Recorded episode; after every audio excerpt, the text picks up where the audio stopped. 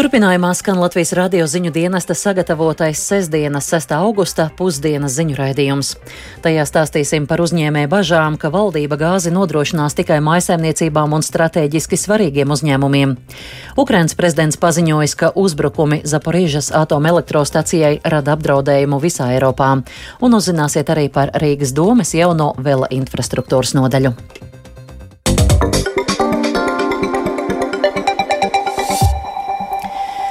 Krievijas karaspēks Ukrainā turpmāk koncentrēsies pozīciju atgūšanai dienvidu frontē, tā ziņo rietumvalstu militārie analītiķi, visliecinot, ka iebrucēja nākamais mērķis ir Mikolājevas pilsētas ieņemšana, bet Ukrainas prezidents ir apsūdzējis Krieviju atomterorismā pēc apšaudēm Zaporīžas atomelektrostacijas tūmā. Vairāk stāsta Uldis Ķezberis. Krievijas uzsāktais karš Ukrainā ieiet jaunā fāzē, uzskata Lielbritānijas militārie izlūkdienesti, viss liecinot, ka Krievijas karaspēks turpmāk galveno uzmanību veltīs kara darbībai Ukrainas dienvidos, kur valsts aizstāvji pēdējās nedēļās ir īstenojuši sekmīgas pretuzbrukuma operācijas. Garas Krievijas militārās tehnikas kolonnas virzoties no Donbasa uz Ukrainas dienvidrietumiem. Sagaidāms, ka tuvākajās nedēļās smagākās kaujas norisināsies 350 km garā frontes posmā, kas stiepjas no Zaporīžas apgabala līdz Hersonas apgabalam. Savukārt Britu izdevums The Times raksta, ka Krievija Ukrainas dienvidos ir sapulcējusi aptuveni 25 tūkstošus karavīru, kuru uzdevums būs ielenkt Mikolaivu. Pašlaik frontes līnija atrodas aptuveni 2 km no pilsētas robežām. The Times raksta, ka Mikolaivas ieņemšana esot būtiska, lai Krievijas karaspēks varētu virzīties uz Odesu. Krievija šonadēļ pastiprināja raķešu triecienus Mikolaivai. Uzbrukumi notikuši arī šonakt, un tajos smagi ievainoja vismaz divus cilvēkus. Vakar notikušajās apšaudēs Mikolaivā tika nogalināts viens cilvēks, bet vēl 21 guva ievainojumus. Pilsētā nedēļas nogalē ir ieviesta komandants stunda, lai mazinātu apdraudējumu iedzīvotājiem. Krievijas karaspēks šonakt apšaudīja arī Harkivu, kur raķetes trāpījušas vairākām dzīvojamām ēkām. Harkivas apgabala militārās administrācijas vadītājs Oleks Sinegubovs pavēstījis, ka raķetes ir izšautas no Krievijas Belgorodas apgabala, un dažas no tām ir nokritušas Krievijas teritorijā. Ukrainas Nacionālais atomenerģijas uzņēmums Enerho Atom paziņojis, ka Krievijas karaspēks piekdien divreiz apšaudīja teritoriju netālu no Zaporīžas atomelektrostācijas. Apšaudēs bojāta augstsprieguma līnija, tāpēc vienu no atomelektrostācijas reaktoriem nācās atslēgt no tīkla. Ukrainas prezidents Volodimirs Zelenskis paziņoja, ka uzbrukumi Zaporīžas atomelektrostacijai radīja apdraudējumu visai Eiropai. Це найбільша атомна станція на нашому континенті, і будь-які обстріли цього об'єкту це відвертий, зухвалий злочин, акт. Tā ir lielākā atomelektrostacija mūsu kontinentā, un šī objekta apšaudīšana ir atklāts, nekaunīgs noziegums, terorakts.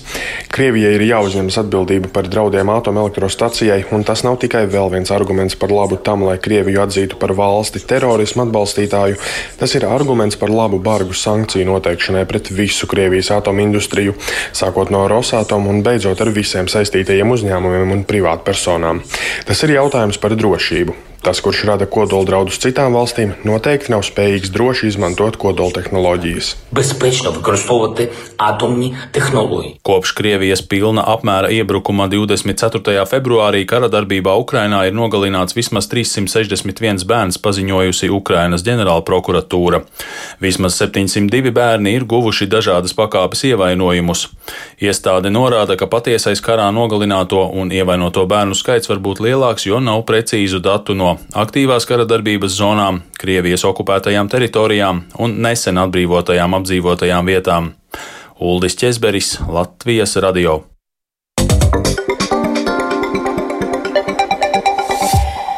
Uzņēmēji pauž bažas, ka valdība gāzes apgādes garantijas nodrošinājusi tikai maisaimniecībām un strateģiski svarīgiem uzņēmumiem.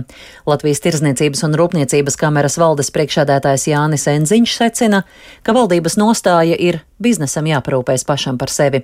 Taču pat tiem komersantiem, kas pašlaik par augstām cenām it kā rezervē gāzi ziemai, nav garantiju, ka vajadzīgā laikā pie gāzes vispār tiks. Tur šobrīd tā situācija ir vismaz diviem leņķiem problemātiska. Pirmkārt, jau paši piedāvājumi, cik viņi ir un uz kādiem termiņiem ir. Ir uzņēmumi, kuriem līgumi ir tikai uz mēnesi, varbūt ir tādi, kuriem nav. Otrs ir tas, ja gadījumā tiešām izveidojās kaut kāds pats melnākais scenārijs un um, tiešām bija problēma ar pieejamās gāzes apjomu, tad iedarbojās un pie krīzes risinājumi, proti, ka tur, zinām, lietotāji grupas sāk atslēgt vai mazināt šīs gāzes piegādes. Un, Diemžēl pēc esošiem noteikumiem sanāk, ka biznesa pat tie, kuri ir nu, par šā brīža trakajām cenām arī nopirkuši gāzi, arī tos kā atslēdz. Šādos apstākļos un runāt par tādu drošu sajūtu, protams, ir sarežģīti. Tā kā šīs ir tās lietas, kuras noteikti ir jāatrisina, un tad mēs varēsim justies mazliet drošāk, protams. No 1. augusta Rīgas domes satiksmes departamentā darbu sākusi jauna velo infrastruktūras nodaļa. Tās uzdevums būs organizēt ar mobilitātes uzlabošanu saistītus jautājumus. Organizācijas, kas rūpējas par pilsētvides uzlabošanu, no jaunās nodaļas sagaida konstruktīvu un uz pilsētas iedzīvotāju interesēm vērstu darbu. Turpina Kristaps Feldmanis. Pirmo reizi Rīgas domes satiksmes departamenta struktūrā ir iekļauta velo infrastruktūras nodaļa. Tā darbu sākusi vien 1. augustā.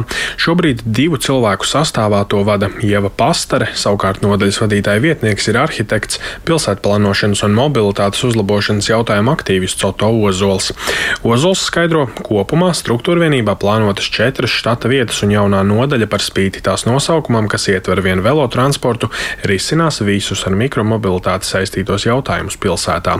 Turpina jaunizveidotās nodaļas vadītājs vietnieks Otto Ozols. Veloinstruktūras nodaļa nerūpēsies tikai par veloinstruktūru, bet arī par mikromobilitāti, kuras iekšā ir gan gājēji, gan velobraucēji gan arī dažādi skūteri, arī tās problēmas mēs mēģināsim risināt. Jo arī pati veloinstruktūras būtība jau ir tāda, ka mēs arī padaram drošāku vidu gājējiem. Ja šobrīd daudz velobraucēju brauc pa ietvēm, tas jau nav labs risinājums, tāpēc arī tā veloinstruktūra ir vajadzīga. Ozols skaidro, līdz šim atbildīgie par jautājumiem, kas saistīti ar mikromobilitāti un veloinfrastruktūru, bija tā teikt izkaisīti pa visu vietvaru. Šobrīd izveidotā nodaļa ļaušot koordinētāk un operatīvāk risināt jautājumus, kas skar skara mobilitāti un pildīt saistošajos attīstības dokumentos nospraustos mērķus.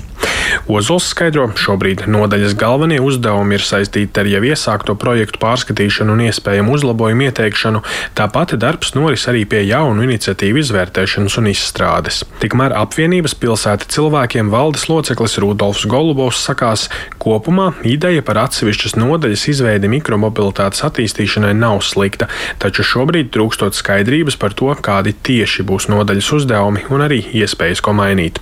Tāpat Golubovs cer uz iespēju sadarboties ar nodaļu dažādu problēmu risināšanā. Pagaidām vēl nav īsti saprotams, ko tieši varēs šī jaunā velo nodaļa panākt. Tad, kad uh, redzēsim jau kādus pirmos darbus, tad varbūt mūsu viedoklis uh, mainīsies. Katrā ziņā mēs noteikti vērtējam pozitīvi, jo tas nozīmē, ka būs vismaz atbildīgie cilvēki, kas atbildēs par velo infrastruktūras attīstību Rīgā. Tikmēr Rīgas domes satiksmes departamenta velo infrastruktūras nodaļas vadītājs vietnieks Oto Ozols aicina arī pilsētas iedzīvotājus iesaistīties un izteikt savas domas par to, kas pilsētā būtu uzlabojams. Ja iedzīvotājiem ir kādas idejas lietām, ko var pilsētā uzlabot, kaut vai tāda pavisam vienkārša lieta, kaut kāda apmaļu nolīdzināšanas noteikti var sazināties. Un šīs arī ir viens no virzieniem, ko mēs varam pēc ātri izdarīt, jā, varbūt kaut kādu maršruti, kur var nolīdzināt kaut kādām lielākām ielām, tur apmalas vai kas arī tāds ātrs izdarāms darbiņš. Ozols skaidro, jau šogad nodaļai ir pieejams finansējums dažādu projektu īstenošanai, taču nākamajā gadā būs iespējams ieplānot konkrētākas lietas, jo tad arī jauno nodaļu rēķināsies jau veidojot nākamā gada budžetu.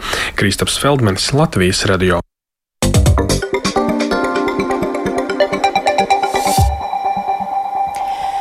Nedēļas nogalē ne tikai daudz kultūras notikumu, bet arī liela sporta pasākumi gan tepat Latvijā, gan citu vietu pasaulē. Lai plašāk noskaidrotu par galvenajām sporta aktualitātēm, esam sazinājušies ar kolēģi Māri Bergu. Sveiks, Māri! Sveiki, Solveiga, sveicināti arī klausītāji. Šī rīta ziņās tu jau stāstīji, ka pēc 14 gadiem šodien Cēsīs atgriezies rallijas, tur sacensības jau ir sākušās. Kādi rezultāti? Jā, nu rallijas cēsis tātad sākās jau vakar ar pirmajiem diviem ātrumposmiem. Savukārt šodien jau nobraukts pirmais no kopumā sešiem paredzētajiem ātrumposmiem, kas ir jānobrauc šodien, un līdera pozīcijās tagad ir pieredzējušais Jānis Vorobjovs. Sacensības cēsu apkaimē tagad tikai tā pa īstam sāk ieskrieties, tāpēc par rezultātiem vairāk zināsim vakar pusē. Cerams, ka daudz vairāk varēšu pastāstīt jau dienas notikuma apskatā sešos. No rallija jau izstājies viens no favorītiem Mārtiņš Sasks. Viņu šoreiz pievīla mašīna tur kādas tehniskas problēmas. Un, kā jau minēja, rallijas cēsis tādā pilnvērtīgā rallija formātā atgriežas pēc 14 gadu pārtraukuma, un sacensību rīkotājs Māris Millers norāda, ka sacensību rīkošana vidzemē plānota nevis tikai kā viena gada projekts, bet viņš cer, ka tas būs ilgtermiņa posms, kas Latvijas rallija čempionātā būs gada no gada. Klausāmies rallija cēsis direktoru Māri Milleru. Tas ir vecā, labā rallija-CS eh, zelta fonds. Posmi ir bijuši jau iepriekš tikai tādā kā atjaunotā versijā. Dažas vietas ir pamainījušās, jo kaut kāda ceļa kaut kas ir atjaunots. Noteikti mūsu komandai tas mērķis ir lai rallijas cēsīs atgrieztos patstāvīgi, lai tas nebūtu viena gada šāviens, lai tas būtu pasākums, kas ir kalendārā jau gadu iepriekš mēs zinām un gaidām un gatavojamies. Jā, Rallijas cēsis gan nav vienīgais augsta līmeņa rallijas šonadēļ, jo Somijā notiek pasaules čempionāts. Jā, nu Somijas VRC rallijas, kas risinās šajā nedēļas nogalē, protams, ir visaugstākā līmeņa rallijas sacensības, kādas vispār varam iedomāties. Somija, protams, ir arī skatāmākais rallijas, jo šīs sacensības tad ālaži izceļas ar milzīgu ātrumu un lieliem tāliem lecieniem. Pašiem sportistiem nevienmēr tas iet pie sirds, bet skatītājiem gan vienmēr tas ir ļoti paticis. Um, Somijas rallijā līderis šobrīd ir Igaunis Alts Tanaks. Viņš visu sezonu ir mocījies ar dažādām problēmām, arī mašīnai trūcis ātrums, bet šodien Tanaks ir par 9,5 sekundēm apsteidzis mājinieku Esapeku Lapī. Trešais ir vēl viens soms un čempionāta līderis Kāla Rolampere, un viņš no Tānaka atpaliek jau 12,9 sekundes. Somijā visa cīņa vēl priekšā šo pēcpusdienu, un sacensības turpināsies arī rīt pa dienu. Tātad nu, šis gan ir posms, ko es iesaku paskatīties. Tas ir tiešām ļoti, ļoti skatāms. Solveiga? Jā, šodien Valmierā Latvijas vīriešu volejbola izlase aizved otro maču Eiropas čempionāta kvalifikācijā, tiekoties ar Somiju. Kā mums tur veicas? Jā, nu šodien mūsējiem vēl būs spēle sešos vakarā, tātad, eh, bet eh, jāparunā par to, kādas mums ir izredzes. Un Somijas izlase volejbolā nav gluži grāns, tā nav Francija, tā nav Itālija vai Polija, bet Somi ir šīs grupas pārliecinoši favorīti. Somi ir spēlējuši Eiropas čempionātos kopš 2007. gada visus turnīrus, viņi nav izlaiduši nevienu fināla turnīru. Somijai tagad notiek paudžu maiņa, tā būs gados jaunāka komanda nekā iepriekšējos gados, bet arī šiem volejbolistiem, kurus šodien redzēsim Valmierā, Valmjerā jau ir gana daudz augsta līmeņa pieredzes. Viņi ir daudzi no viņiem ir spēlējuši arī pērnā gada Eiropas čempionātā. Un, lai arī gribētos teikt, ka Somija nav tik stipra kā pirms dažiem gadiem, un mūsējiem būs iespējas aizķerties tik un tā izcīnīt uzvaru, būs grūti. Somija spēlē efektīvi, viņi maz kļūdas, un mūsējiem pretī būs jāliek tieši tas pats, bet uh, tieši šāds efektīvs volejbols ar mazu kļūdu skaitu, tā mūsējiem ir bijusi problēma šajā vasarā. Nu, jācer, ka izdosies uzlabot to volejbolu un to sniegumu, ko redzējām uh, trešdienas mačā pret Austriju. It kā izcīnījām uzvaru, bet sniegums varēja būt labāks. Tātad uh, šodien volejbols Valmierā, 6. vakarā. Tiem, kas netiek uz Valmieru, lai noskatītos maču klātienē, tiem būs iespējas vērot tie tiešraidī Latvijas televīzijas 7. kanālā. Solveiga. Jā, Mārina, nobeigumā vai ir vēl kas šodien nozīmīgs, kam būtu jāpievērš uzmanība, varbūt īsi var pastāstīt? Jā, nu pavisam īsi. Tātad lielais futbols Eiropā sākusies Anglijas Premjerlīga. Tur vakar jau pirmā spēle nospēlēta. Šodien priekšā seši mači visas pēcpusdienas garumā. Tur pirmā spēle jau pustrijos pēcpusdienā pēc Latvijas laika. Tāpat spēles arī Vācijas un Francijas līgās, un, protams, arī tepat Latvijas futbola virslīgā ir spēle. Eh, divos dienā virslīgas līderi Valmiera savā laukumā cīnīsies pret Tukumu. Tas man šobrīd arī viss. Jā, paldies! Tas bija mans sporta kolēģis Māris Bergs.